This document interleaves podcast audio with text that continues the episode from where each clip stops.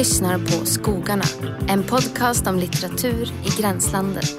Skogarna produceras av Beppo ljudproduktion. Hej kära lyssnare! Eh, ännu ett avsnitt av den mest trädrika podcasten eh, som jag är med i, kan jag säga. Eh, Skogarna såklart. Andrea Lundgren är jag som pratar och med mig har jag min eh, vapendragare Filip Nyström, litteraturvetare. Eh, hoppas att det känns kul att vara här Filip. Alltid. Vad bra. Eh, idag hade vi tänkt att vi skulle prata om polyfon text. Olika typer av kollektiv roman och vi-perspektivet. Eh, vi lever ju i en väldigt, vad ska man säga, jagisk tid. Där jaget är herre och berättelsen där jag personen är eh, enorm verkligen. Och även när, när berättelser är skrivna i tredje person, han eller hon eller något sånt där, va, så är det ju väldigt individen som, eh, som är centrumet. Individen och individens känslor och tankar och inre liv. Ehm, men, men liksom, precis som romanformen så är ju jag-berättelsen eh, en chimär på något sätt skulle jag vilja säga. Vi är ju fulla av allt från liksom minnen, andras röster, an, annan litteratur, av eh, omgivning, av så mycket annat. Så därför tänkte vi då eh, polyfontext, vad kan det vara? Om jag börjar med att fråga dig Filip, skulle du säga att du har en stark upplevelse av ditt eget jag? Är du en jag-stark person? Jag är nog en ganska jag-stark person. Eh, men jag tänker att det också, som du säger, ligger i tiden. att vi matas med berättelser om jag. Eh, vi lever också i någon form av autofiktionens tid och självbiografins tid. Ehm, att det är någonting som liksom byggs upp nästan automatiskt av att leva i dagens samhälle. Ehm, det finns ju till och med idéer om att marknadsföra sig själv och bla bla bla. Ja, precis. Skriva, skriva sitt eget narrativ på något sätt. Ja, skriva sitt eget, liv, sitt eget liv, sin egen CV och ja, ja men verkligen. Själv, alltså jag har alltid känt mig ganska jag-svag. Eller jag känner mig mer som ett myller. Eh, ett kryller av eh, liksom olika impulser och eh, tankar och känslor och faktiskt av personer också. Eh, måste jag säga. Alltså om man tänker bara tillbaka på sitt eget liv. Liksom, den person man var när man var barn är ju inte samma man är nu.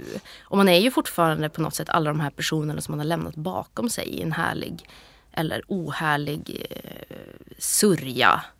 Liksom. Det, det, tycker jag låter eh, sant och befriande eh, teoretiskt men jag har ganska svårt att känna det själv.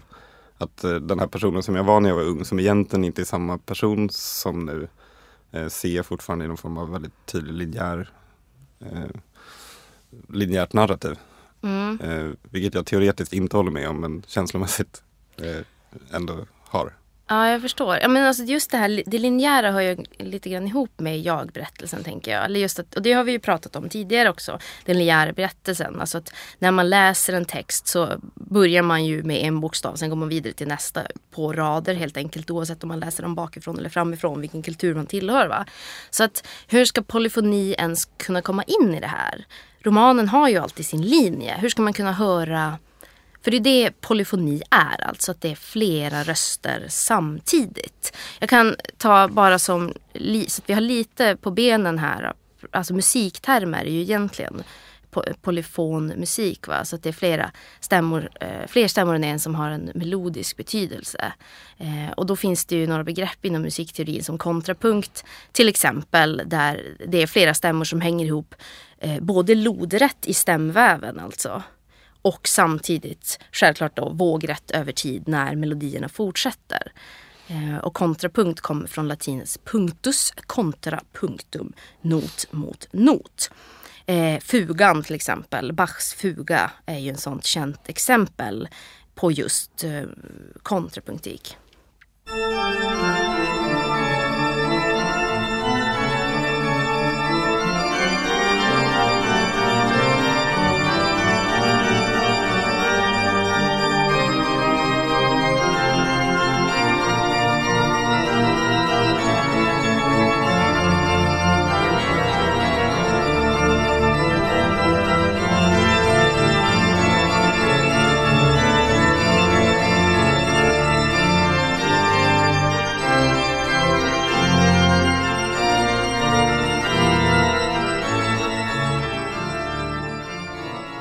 Ja, utan att vara eh, musikteoretiker så, så kan man ju faktiskt höra ganska tydligt där tycker jag hur det är flera olika eh, melodier samtidigt som byter av varandra och som talar i, i eh, talar i mun på varandra. Liksom. Eh, jag vet också, alltså, olika konstformer som till exempel musik och litteratur lånar ju ofta begrepp och eh, teknik från varandra. Eh, och det finns till och med, såg jag när jag gjorde lite research nu inför det här avsnittet, eh, en roman som hette just Kontrapunkt. Den kom 1928 och då var det Aldous Huxley som annars är mest känd för Du sköna nya värld. Visst heter den så? Han har väl också skrivit en bok som heter Fuga? Ja, det kanske han har till och med. Ja, han, han var helt klart intresserad av det här. Men, och det som är grejen i den romanen då att det är en eh, jag har inte läst den kan sägas men alltså han porträtterar en rad olika människor och deras inre liv eh, och det finns ingen övergripande handling. Så det, är inte det, det är inte den övergripande handlingen som är grejen utan just de olika rösterna som flätas samman sådär. Men, men eh, på vilket sätt kan man prata om polyfoni i en text? Har du något exempel som kommer upp? Eh, ja, nu när du säger det, alltså, jag har faktiskt skrivit lite om det här, kommer jag på nu, eh, i min kandidatuppsats. Ehm, och polyfoni i den här bemärkelsen som du pratar om med olika stämmor som går samtidigt ehm, går ju liksom inte rent konkret att göra på, i text. Därför att eh, du kan inte säga två saker samtidigt i text. Du måste lägga orden bredvid varandra. Ja, annars, annars, blir de ju obegripliga. Precis, det var det jag var inne på det där med linjära. Att, Precis. Att, ja. eh, och jag skrev då om romanen Inlandsbanan av Erik Bäckman. Som är en av mina stora favoriter. Eh, och han har liksom ett sätt att ha många olika nivåer eller många olika eh, samtida berättelser eller många olika scener kanske man ska säga. Som liksom i samma stycke och ibland i samma mening så finns flera av de här med. De bryter liksom av varandra och ibland går in i varandra. Eh, så att det är skilda scener men som i, i en och samma mening kan liksom skilda scener flyta ihop och gå samtidigt. Men eh, markeras utan, utan det med kommatecken då eller med nej, parenteser? Eller hur? Allt bara? Utan de, de flyter ihop och eh, framförallt inom stycken med olika meningar som, eh, som följer varandra. Mm. också. Men det kan också vara inom samma mening. Och att det blir då en, i läsandet så blir det en karaktär av den här polyfonin. Um, och då ska sägas att polyfoni som musikterm, det används ju då som en metafor när man pratar om text, tänker jag. Um, alltså, därför att det inte är den faktiska samtidigheten som finns i musik. Nej precis, musik kan man ju höra två toner samtidigt utan problem. Det går ju bra. Exakt. Men samtidigt så, det där är ju intressant, eh, ganska komplicerat på en gång då. Men, men, men då tänker jag så här att samtidigt så kan man inte tala om polyfoni ändå. För att minnet av när man precis har läst ligger ju fortfarande kvar när du läser nästa mening. Så att om texten jobbar tätt och rätt effektivt så borde man ju kunna ha då, få liksom flera samtidigt. Precis, sam, men på samma och det, sätt, det skapar ju den känslan av ja, men på samma sätt som jag säger så här, elefant till dig nu och sen säger tiger. Då kommer ja. du ju fortfarande tänka på de två djuren samtidigt. En randig elefant. ja men det, det kan ju vara en spännande form av polyfoni då tänker jag. Någon form av associationspolyfoni. Ja men precis, men det, det är väl det är så det kan fungera tänker jag. Alltså just att minnet av texten och känslan av det man precis har läst påverkar ju nästföljande rad eller ord till och med. Va? Så att det blir ju, jag, jag tycker att eh, man visst kan prata om en slags polyfoni. Eftersom människan inte bara är sitt nu. På samma Precis. sätt som en människa är alla personer hon tidigare har varit. Så är hon också i läsningen, de med, har hon ju fortfarande kvar de meningar som precis var hennes medvetande i Precis. sig på något sätt. Har du några bra exempel på det? Um, alltså just för att knyta an till det här musikteoretiska, eller den här termen polyfoni i kontrapunkt så finns det ju faktiskt en text av Paul Celan till exempel som mm. heter mm. poeten eh, som heter Dödsfuga. Den är ganska berömd och också otroligt tydlig just vad gäller eh, hur det här, där, där är det då offrens talkör. Han, han skrev ju väldigt mycket om eh, judarna och liksom i Auschwitz och eh, Hitler och eh, mycket mörka eh, hemska saker. Och där är det då offrens tal, talkör som växlar av mot en han som är då en förövare. Så jag, jag, kan läsa bara några meningar här så hör man ganska tydligt det. Eh, otroligt fin text faktiskt. Gryningens svarta mjölk vi dricker på kvällen, vi dricker till middag och morgon, vi dricker på natten, vi dricker och dricker. Vi skyfflar en grav i luften, där ligger man inte trångt. En man bor i huset, han leker med ormar, han skriver. Han skriver det mörknar mot Tyskland, ditt gyllene hår Margrete. Han skriver och går ut framför huset och stjärnorna blixtrar, han visslar in sina hundar. Han visslar fram sina judar och låter skyffla en grav i jorden. Han befaller oss att spela upp till dans. Gryn gryningens svarta mjölk, vi dricker dig på natten, vi dricker till middag och morgon, vi dricker på kvällen, vi dricker och dricker och så vidare. Va? Så mm. Och just det här gryningens svarta mjölk är ju röken från krematorieugnarna då som, mm. liksom, som de andas in i lä... Alltså det, ja.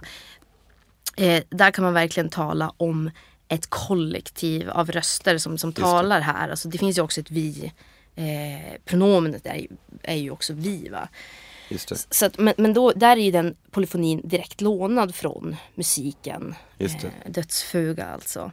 Så det är ett exempel som kommer ganska snabbt till mind. Men vad jag tänkte är att vi kanske under den här inspelningen kan prata om olika typer av polyfoni. För vi har ju också eh, alltså den rena vi-perspektivet. Alltså istället mm. för att skriva jag-perspektiv skriver man i vi-perspektiv. Och om det kan vara en polyfoni av slag. Och sen så kan vi också prata om kollektivroman till exempel. Men, och också någon form av um, halv-vi-form, alltså någon form av intersubjektivt berättande där det är många olika eh, jag-berättelser som flyter ihop till ett vi i ja, men, en större helhet i romanen liksom, som är lite vanligare än vi-perspektivet tänker jag. Precis, för att det där är något som jag har tänkt på nu när jag har funderat över detta med polyfoni. Alltså att på något sätt så som läsare men också som människa genom att man lever i en kultur med andra människor där det finns text av olika slag. Så man, man går ju alltid runt i liksom en ekokammare är ett sånt där ord som brukar återkomma. Alltså man hör all, allt som man har läst och alla röster i alla texter talar ju till en och med en. Inte kanske alla samtidigt, det skulle inte vara så bra men, men liksom dyker ju upp och man kan få liksom eh, Ser man ett litet äpple så tänker man på Karin Boye som har ett äpple i fickan och en sagobok där hemma. Liksom. Alltså man har ju hela tiden andras röster omkring sig man talar ju liksom med litteraturen hela tiden i sitt inre och när man skriver och när man överhuvudtaget tänker och är. Så kan man inte se det dels som att alltså alla karaktärer, alla texter blir ju på något sätt ett kollektiv också. Eller Just hur det. tänker du kring det? Ja, det blir någon form av intertextualitet fast i ditt jag. Liksom. Ja. Eh, det är jättespännande och det är också jättespännande att föra över till någon form av berättarperspektiv och då prata om någon form av vad som skulle kunna kallas eh, ett schizofrent berättande. Eh, och schizofrent då i förhållande till det klassiska jaget som är enhetligt. Mm. Eh, inte som sjukligt utan... Ja men precis.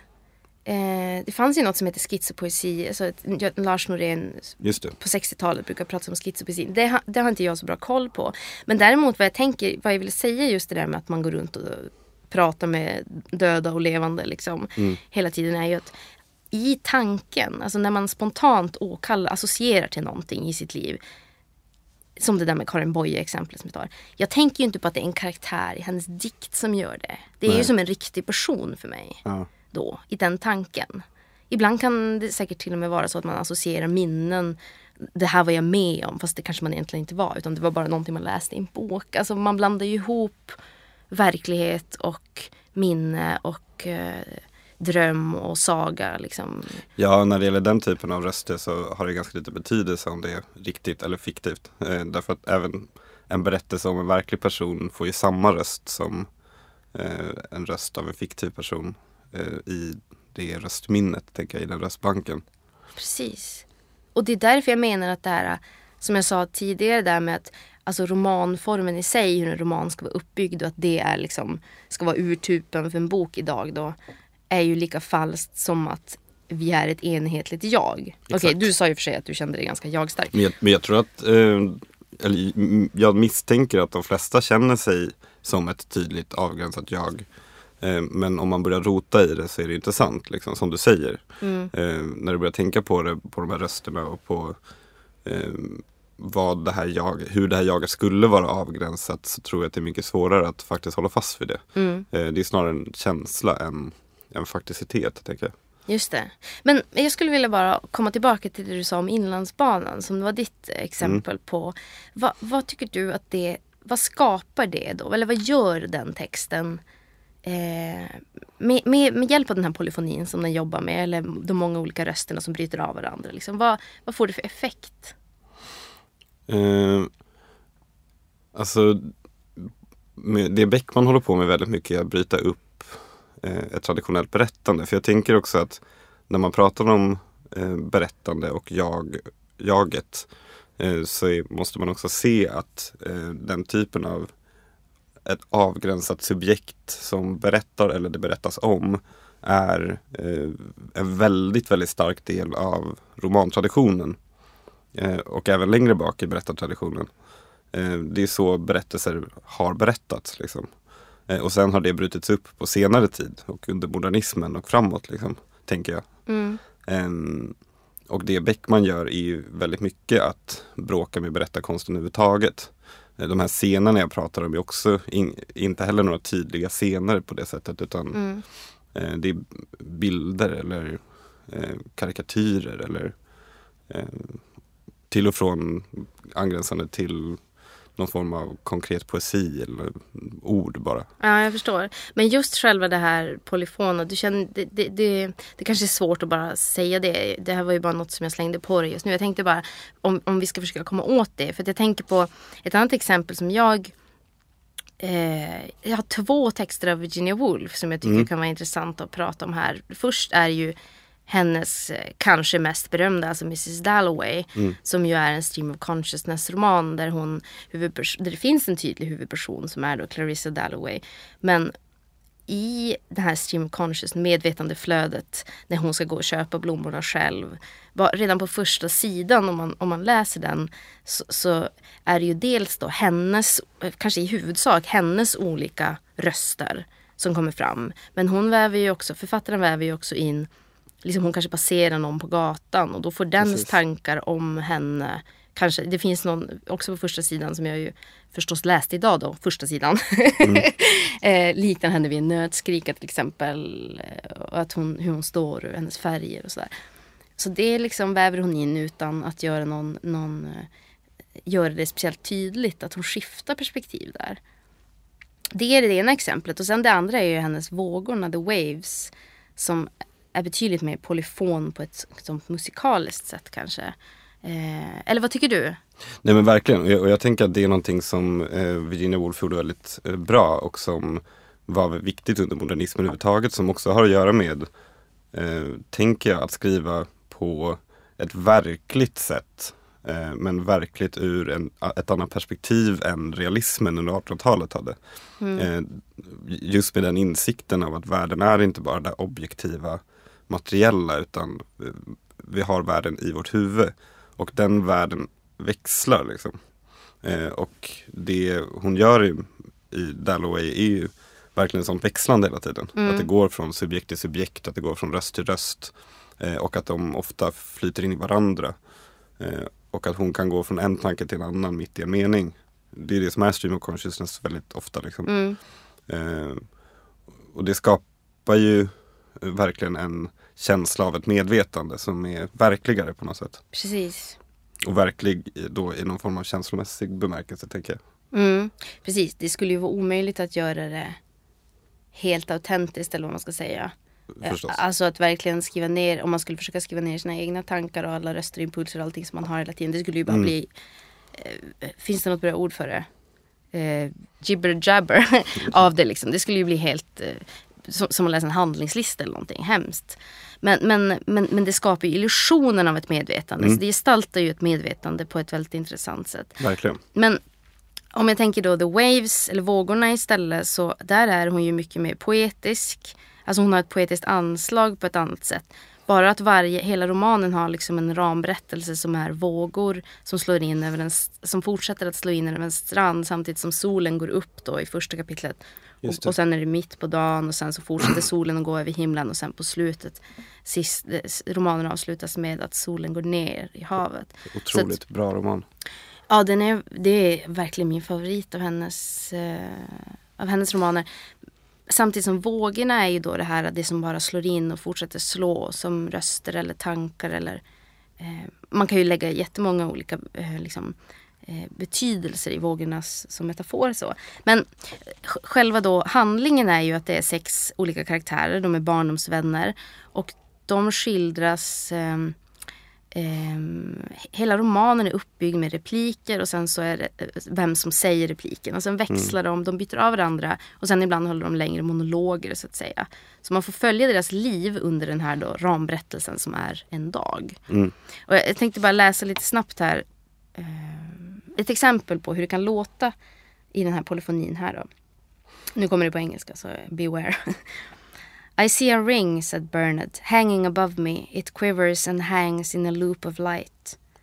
I see a slab of pale yellow, said Susan, spreading away until it meets a purple stripe. I hear a sound, said Rhoda. Cheap chirp, cheap chirp, going up and down.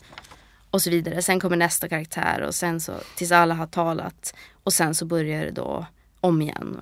Och, så, och så växlar de lite grann. Precis, och, och, jag tänker att det där har alltså man skulle kunna koppla det igen till det här försöka skapa en annan typ av eh, bild av verkligheten. Eh, för, alltså istället för då under upplysningen till exempel när man tänkte på att en person med kontakt till, med, till sitt förnuft kunde se verkligheten objektivt. Så är det här ett sätt att liksom visa en verklighet från massa olika perspektiv, från massa olika röster. Eh, det här är ett jättebra exempel på det. Mm. Att de beskriver typ samma sak. Ja, här pratar de ju om soluppgången då. Exakt. Ja.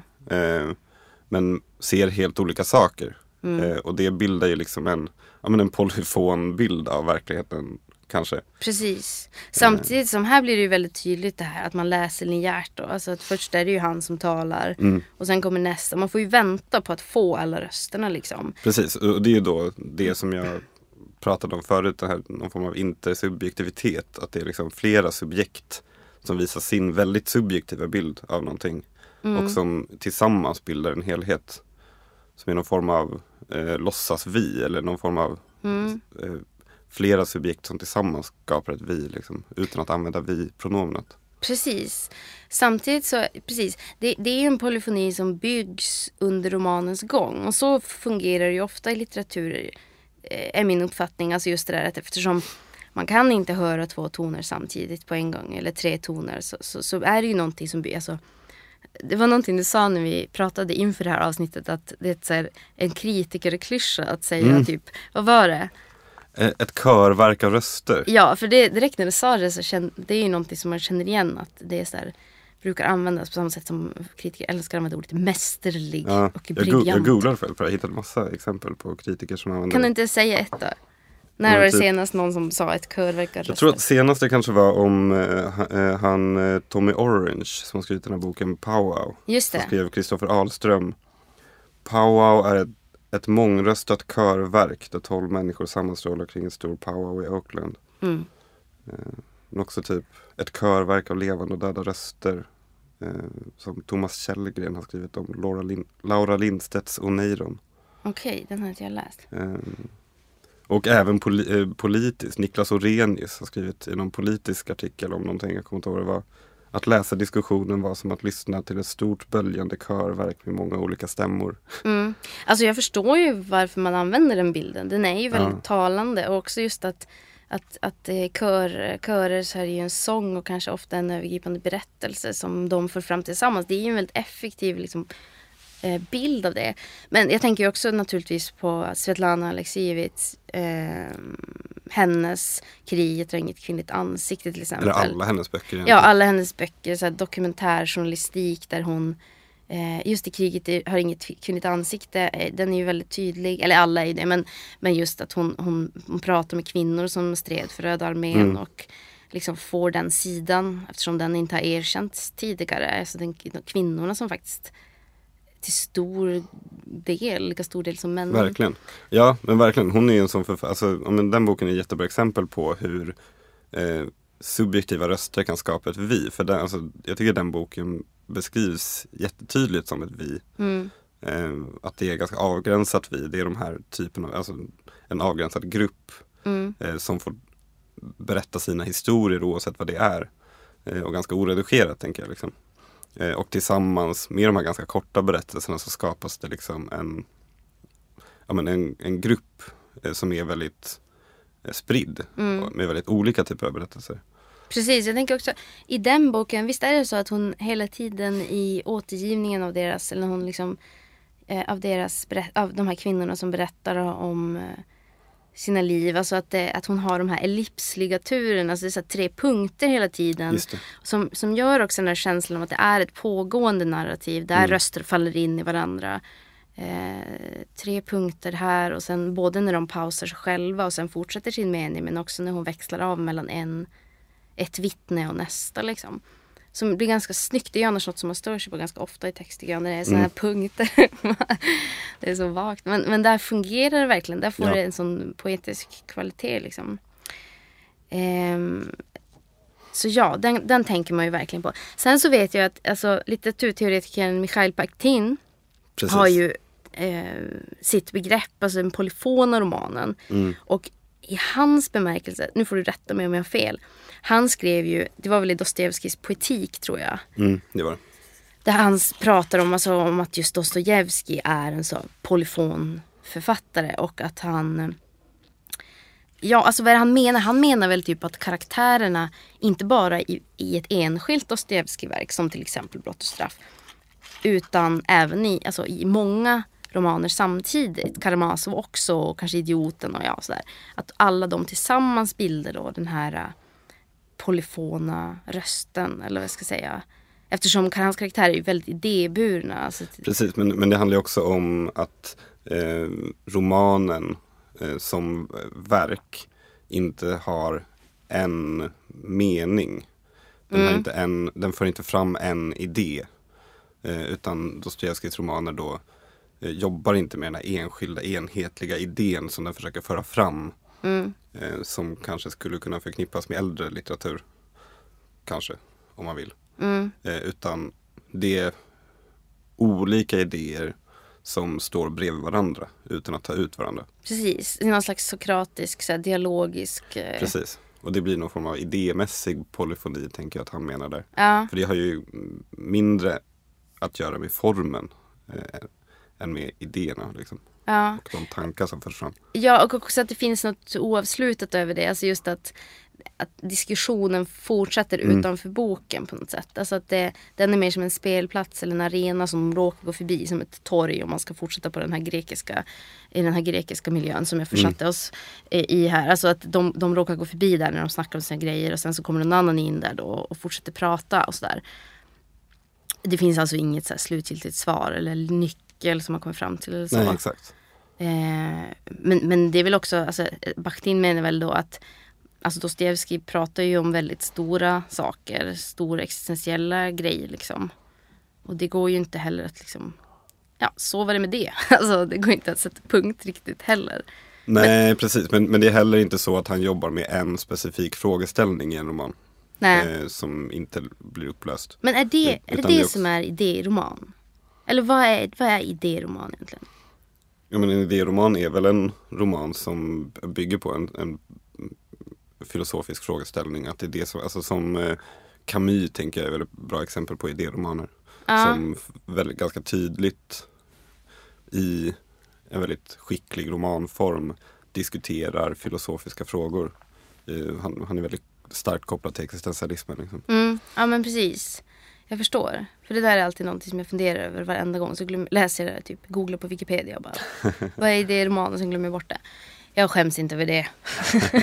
ja okej. Ja, men men okej. F- eh, Bakhtin. Men hur kan man, kan man inte då säga. Vad är liksom skillnaden mellan att. Nu ska, åh nu, det här ordet, det här jag aldrig uttalat förut. Eh, en, en författares övre. Övre. Eller ja, alltså en författares eh, hela verk, Mm. liksom alla verk. Eh, vad är skillnaden då? Är inte, inte alla författare polyfona på det sättet i och med att de har olika karaktärer som tänker saker? Kan man inte säga att typ vilken författare som helst, den, karaktären, deras, den författarens karaktärer liksom samtalar med varandra i en polyfoni då?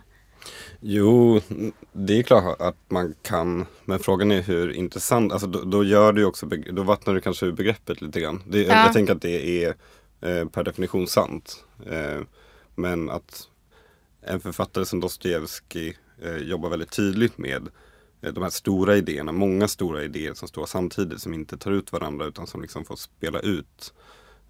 Och att det, och att, att det är ett framträdande drag hos honom mer än hos många andra. Ja, jag förstår. Ja, att det är snarare så man kan tänka kanske.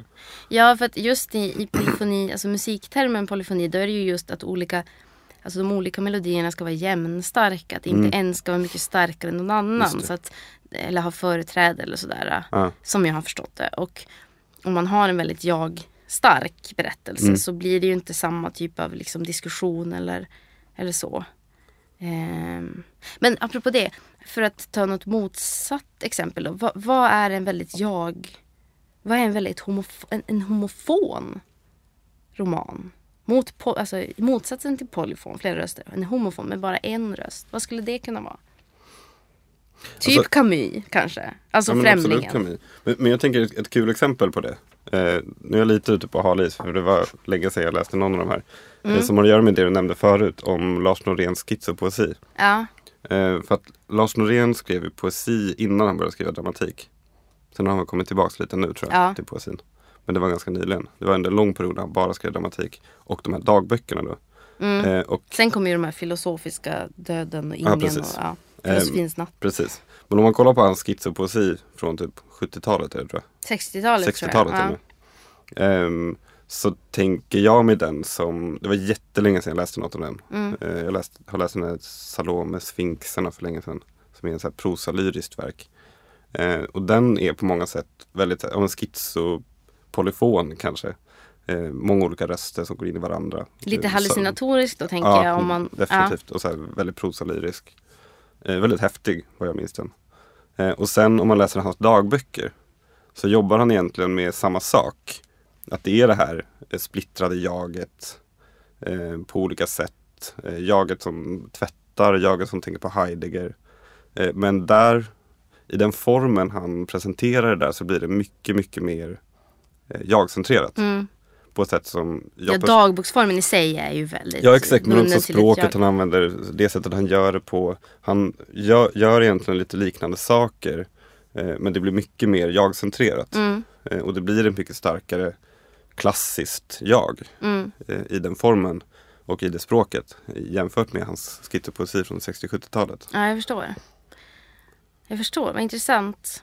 För annars tänker jag att så här, plocka en jag-stark roman, det är ju i princip ta vilken som helst nästan. Ja, verkligen. Alltså, det, det finns förstås undantag där man till exempel, om det kanske är mer ett släktdrama eller det är eh, eh, jag läste nyss till exempel en, en brittisk eh, roman som heter Syskonen, Tessa Hadley. Den var väldigt trevlig och gemytlig på den brittiska landsbygden. Jag läser inte så ofta sånt så det var ganska härligt. Men där är det i alla fall olika syskon där alla liksom berättar sin version av samma helg i deras hus. Ja. Lanthus där de, där de är då över en helg. Och, och, och, den känn, upplevs ju ändå som väldigt jag-stark. Va? Fast det är flera perspektiv till och med. Mm. För att jag uppfattar, uppfattar inte den som polyfon alls faktiskt. Nej. Fast det är flera olika berättarperspektiv som pratar om samma sak. Utan det är väldigt... Så det är, det är ju liksom en blandning av de där Mm. sakerna och form förstås. Men, men det är intressant för jag tänker om man då går vidare från jag-perspektivet till vi-perspektivet. Ja, Eh, för det finns någonting, alltså om man ska definiera vad ett vi är för någonting rent grammatiskt eller lingvistiskt. Eh, så är ju ett vi eh, på något sätt nästan alltid uttalat av ett jag. ja Eh, Precis. fattar du vad jag menar? Att, eh, Det är på samma sätt som, det är ännu tydligare du, andra person eh, singularis, alltså du. När man, när, då Ja. finns det ju alltid ett jag som säger du. Precis. Det är mycket intimare. Men, Precis, och men även i vi- viet, ja. alltså, alternativet skulle vara att det var en kör som säger vi exakt samtidigt. ja. Eh, men i det generella, alltså i en roman eller i en dikt så är det nästan alltid ett jag bakom viet. Ge exempel. Ja men eh, ett exempel, jag läste inför det här så läste jag en novell av um, William Faulkner Ja. eh, som heter A Rose for Emily. Eh, och den handlar om eh, en kvinna som heter Emily i en någon fiktiv stad som heter Jefferson i Mississippi. Som jag hittat på. Ehm, och då är det liksom the townsfolks som berättar om henne och vad de har gjort mot henne. Men det här viet skiftar hela tiden. Att det är liksom olika personer som säger ibland. Och viet inbegriper olika personer. Ibland är det hela staden, ibland är det administrationen som skickar brev till henne. Eh, och att ibland används även jag eh, i, alltså så här, viet Ja, men jag förstår. växlas med ett jag som finns bakom viet. Liksom. Mm. Ehm, vilket är väldigt vanligt i vi-berättande. Om man Ja. använder vi-formen så finns det ofta ett jag också. Eh, därför att helt enkelt att det är så det används språkligt. Om jag säger vi så handlar det oftast inte om att jag är en representant för gruppen utan att jag beskriver gruppen som jag är en del av. Mm. Precis. Precis, det där, det där är ju väldigt spännande. Eh, och subtilt tänker jag Mm. i många fall. Alltså att känna av det här jaget. Vem är det som, som ibland tar sig rätten att, att tala för en grupp. Och, eh, jag tänker en, en bok som man nästan inte kommer undan från eh, vad, vad gäller vi-perspektivet är ju den här Julie Otsuka. Eh, hennes roman Vi kom över havet. Så, som är skriven helt i vi-perspektiv. Alltså, som Mm. skildrar en stor grupp kvinnor som eh, jag tror att det är 1919 färdas från Japan över till USA för att giftas bort med eh, olika män. Då. Och, och eh, även om det är ett, ett sammanhållet vi-perspektiv så ges hela tiden exempel i texten. Ja. Eh, några av oss till exempel var med om det här, några av oss. Men jag ska, jag ska läsa för att man ska kunna få en bild av det. här är då eh, precis från början alltså. På båten var de flesta av oss oskulder. Vi hade långt svart hår och platta breda fötter och vi var inte särskilt långa. Några av oss hade inte ätit någonting annat än rissoppa som små och hade därför lätt krokiga ben. Och några av oss var bara 14 år gamla och själva fortfarande små flickor. Några av oss kom från stan och hade eleganta stadskläder, men många fler av oss kom från landet. Och på båten hade vi på oss samma gamla kimonor som vi haft i många år, urblekta och ärvda från våra systrar, lappade och omfärgade flera gånger. Några av oss kom från bergen och hade aldrig förr sett havet annat än på bild. Och några av oss var döttrar till fiskare och hade vistats vid havet hela våra liv. Och så fortsätter den så och så går den liksom igenom. Det första är det när de åker över på båten. Sen så kommer de att träffa sina män. Sen så när de får sitt första barn. Alltså allting sker hela tiden i en kollektiv rörelse. Men är full av avvikelser eftersom det här kollektivet ju består av individer och inte av en månghövdad varelse eller vad man ska säga. Men jag tycker att den var väldigt eh, jag är förvånad att det inte skrivits fler. Det kanske det har. Alltså, Mm. man, man har Men den aldrig... är väldigt speciell, alltså man är väldigt ovan vid det. Eh, Ja. Tänker mig på. Den är, och den gör det bra. Ja, den gör det bra för att man får inte den här känslan av att det är ett, dolt jag som pratar. Nej precis, för här är det inte så som mitt exempel var. Eh, här finns det ju inget dolt jag. Eh, just på grund av att de jobbar med de här exemplen. Att de, eh, att det blir väldigt polyfont Ja. då liksom. Det blir det. Och också tycker jag att det är intressant för att, alltså, att, att, am- att skriva i vi-perspektiv blir ju också ett lätt, lätt ett politiskt verktyg. Eh, på, på- gott och ont. Va? Alltså att det kan bli lite plakatigt att tala utifrån ett vi. Det är ju väldigt liksom, belastat. Ja, på det sättet Pronomen. används det ju ganska ofta.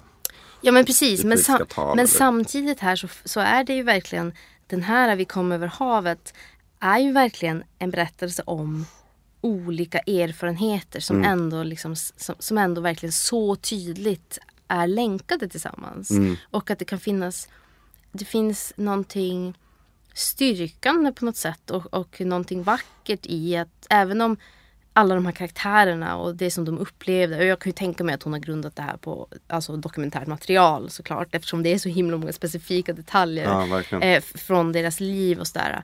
Ehm, som, som en liksom Alexievich som verkligen gjorde en roman sen av det på något sätt. Men, men, men att man, jag vet inte, att, att det blir som en, alla de här ensamma människorna som, som lever i den här romanen, att de, både vet och samtidigt måste känna sig så himla ensamma. Samtidigt som det var så många som kom över till, till Amerika samtidigt med den här båten. Och, jag, vet inte, jag tycker att det är lite hisnande faktiskt. Den är, som den är så övermannande den här texten. Mm. De här alla, alla dessa röster liksom, som kommer.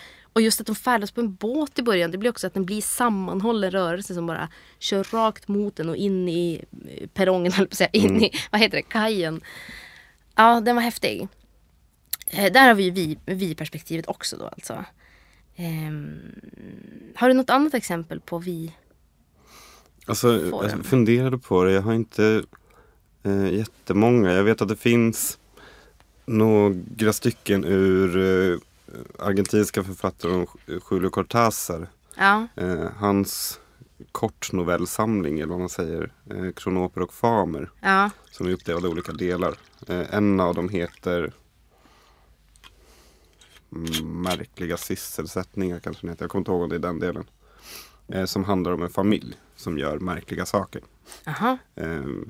Det är någon historia om varför mormor är så rädd för att falla på rygg till exempel. Eh, Okej, jag blir genast... Varför är hon det? hon är rädd för att inte kunna ta sig upp. ja, ja, jag förstår.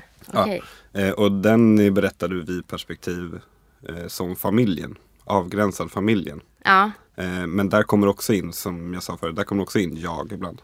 Mm. Eh, men det kan vara olika jag som det faller ner på. Eh, att familjen brukade reta mormor eller så här, försöka få ner henne på rygg bara för att eh, provocera henne till exempel. Och då är det vi försökte det Mm. hela tiden. Eh, och då är det verkligen en så här ganska tydligt, eh, ännu mer tydligt avgränsad grupp än Vi kommer över havet. Då är det den här lilla familjen. Eh, men också den här boken som har, är på alla eh, topplistor nu. Tänker du på den stora skrivboken? Precis. Ja, Agatha, Agatha Christoph ja. Eh, Den första, det är en trilogi då som hon skrev. Ja. Hon är en Agota Christoph, en ungersk författare. Eh, och den första delen som heter Den stora skrivboken. Eh, den är helt berättad i vi-perspektiv och då är det ännu mer avgränsat för då är det bara två tvillingar. Mm. Och de beskriver i boken, de här tvillingarna, hur de skriver boken. Och då turas de om och skriver om olika händelser i sitt liv. Och så korriger, korrigerar de varandra på något sätt. Mm. Eh, så det är ju alltid en av tvillingarna som har skrivit.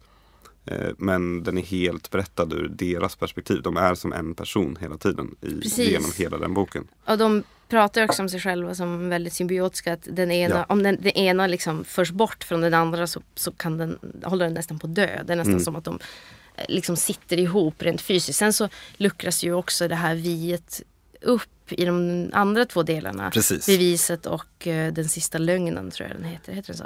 Den Precis, sista, och där ja. ifrågasätts det vad som är vad i den här första boken. Men i, genom, rakt igenom hela första boken eh, så är det alltid vi. Mm. Och det är alltid de två tvillingarna. Precis. Men där är det ju en röst som talar. Ja, Alltså man tänker just det här med polyfont. Det är inte ett så polyfont vi på så Nej. sätt. För att man kan aldrig nästan urskilja att det är två människor som talar vi. Utan de, är de är så som att de verkligen Verkligen. sitter ihop och talar med samma röst. eh, En röst till och med. och, där är det verkligen i litteratur så nära man kan komma det här som jag pratade om. En kör som säger vi samtidigt. Ja, Eh, för där är det os, alltså, de är oskiljbara. ja Liksom. Precis. Och sen så eh, också då i, i andra och tredje delen så är det ju helt plötsligt då inte ett vi längre. Utan de, de, de separeras från varandra. Den Ja. ena eh, hamnar i ett annat land i slutet av första delen. Och eh, där blir det ju också tydligt att författaren liksom leker med, eller att det, det finns hela tiden, är det verkligen två personer Ja, i början? Eller exakt. skapade de den här skapade person, huvudpersonen, den här tvillingen för att stå ut med hemskheterna som skedde Och under ensamheten. kriget och ensamheten. Och det finns många intressanta liksom, tagningar på det där att det liksom viet fortfarande finns kvar fast i skuggan av det jaget då säger. Jag vet, kommer inte ihåg om den är skildrad i jag eller om den är tredje person sen. Det är olika. ja, det är olika. Ehm, jag tror att den andra boken är jag. Nej, den andra personen är tredje person. Just och den det. tredje personen är ur första persons perspektiv. Precis. Så då är det bara en person men det är hela tiden le, de, han, han, han letar efter sin bror. Alltså de letar efter varandra. Ja. Alltså det är så här, man, mycket mystiskt. Det vrids, skruven vrids åt som man brukar säga. Ehm, precis, Den, den är väldigt intressant. Fast där är det Mm. då just två med symbiotiskt kanske. Inte ett kollektiv Nej. eller avbytande röster riktigt. Exakt. Men eh, ska vi prata lite om det här med eh, kollektivt skrivande? Ja, Eh, som en annan typ av vi ja, som liksom eh, inte grundar sig nödvändigtvis i eh, grammatiken eller i narrativet utan i själva eh, det bakomliggande arbetet till en text. ja. Eh, Vad tänkte du då? Nej men, alltså i det här vi pratade om med samtiden som väldigt jag-fixerad ehm, och så här, autofiktionens tid eh, och också så här, men självfrämjandets tid på något sätt.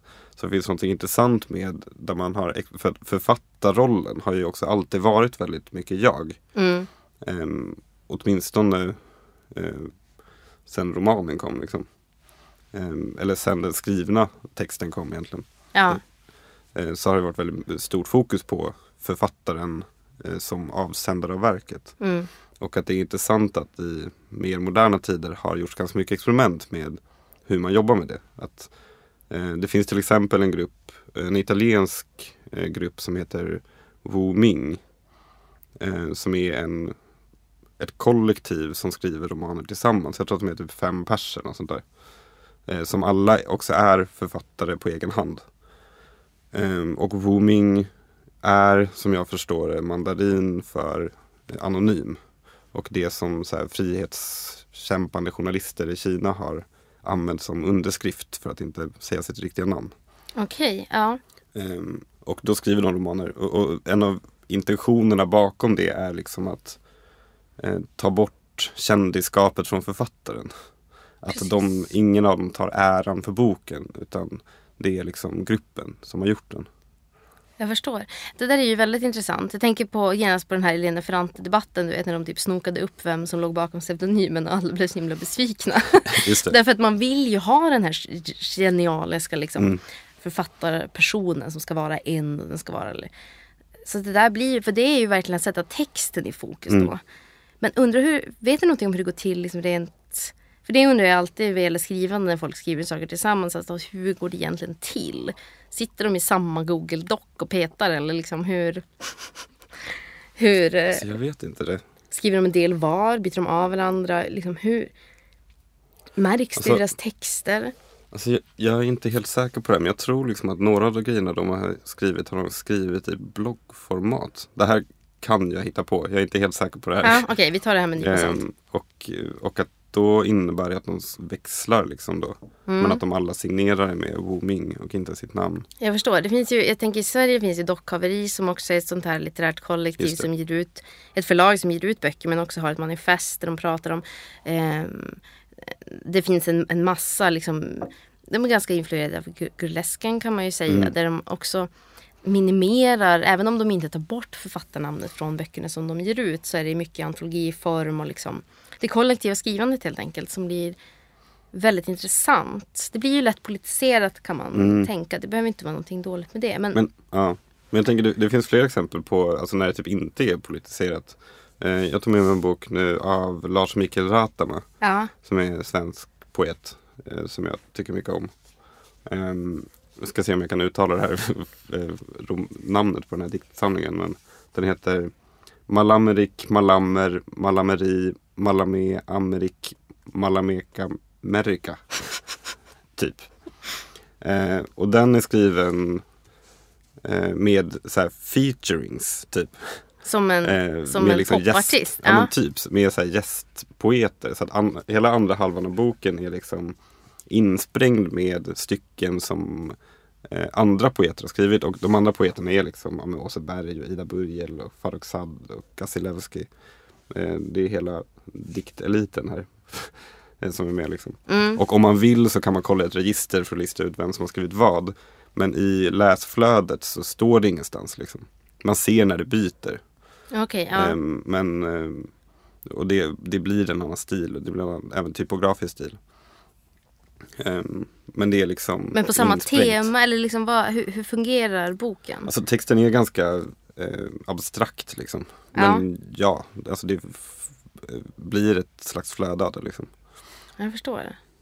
Och ve- vet du någonting om eh, syftet eller liksom varför den är gjord på det här sättet? om jag Eller hur får fungerar- gissa Ja. så tänker jag att det, har, att det i och för sig är Alltså eh, Jag tänker Lars Mikael Rathma är i och för sig politisk men inte på det uttalade eller så explicita sättet. Eh, han jobbar ju väldigt mycket med, han, han är ju intresserad av att skriva om det perifera Ja, så. Eh, och jag tänker att det är ett sätt att bryta upp eh, författarjaget liksom. precis. Men hur är själva... Hur blir, alltså liksom, hur blir resultatet då? Vad, vad, vad, vad tycker du om boken helt enkelt? Jag tycker den är väldigt häftig. Alltså, den blir lite, alltså, den, man skulle också kunna prata om den i förhållande till det vi pratade om i början av podden idag. Eh, om, I förhållande till det polyfona. För att boken har ett flöde som känns, alltså min känsla av att läsa den är lite som att jag går på stan och bara spelar in samtal som kommer runt omkring mig som bara är halva eller hela meningar.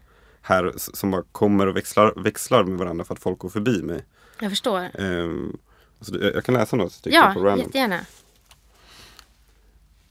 Det är inte så bara. Det kan ha varit den här världen. Krigsskador och hörselskador efter konserter kan i båda fallen vara de springande orsakerna till balansrubbningar. Nej, nu har jag missat en sida igen. Hur ska jag kunna hålla ordning på alltihopa? Det är inte så många som är rädda för troll längre. Jag fick inte veta att hon hette Tracy förrän vi skildes åt på perrongen. Din dummaste dröm. Hon hade en så vacker lila slöja. Jag har inte för avsikt att avhandla ett ämne. Det måste väl finnas något annat sätt att tala om Alva Myrdal. Och så vidare. Jag förstår. Eh, och här är det, ing- det är bara kommatecken, det är inga punkter överhuvudtaget. Utan det är bara så flöde av. Oj, jag blev jätteintresserad av att läsa den där boken. Ja, den är nu. jättefin. Ja.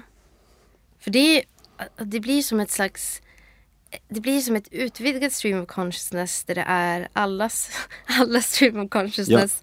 Eller inte allas men liksom man får känslan av det på något sätt. Ja men det intressanta med det, eh, som jag tänkte på nu när du pratade om... Ett om tankesår eller typ. Ja men exakt. Ja. För, för jag tänkte på det nu när du pratade om Dalloway och hur den liksom skapar ja, men en, en illusion om ett medvetande. Så blir den här boken nästan som eh, att medvetandet inte finns alls utan det är bara utåt. Alltså det är all, alla medvetna runt omkring bara. Att jaget inte finns alls här på något sätt. Jag förstår. Att det, jaget bara är lyssnande. Fattar du vad jag menar? Mm. Ja. Eh, det är en känsla jag får när jag läser det. Liksom. Då tänker jag genast på Rachel Cusk. Alltså hon som har skrivit den här, äh, vad heter den första? Det är Transit och den första Mm. heter någonting som heter en Kudos. Alltså där, där är ett jag som är väl, hela tiden låter andra berätta sina historier Mm. för henne.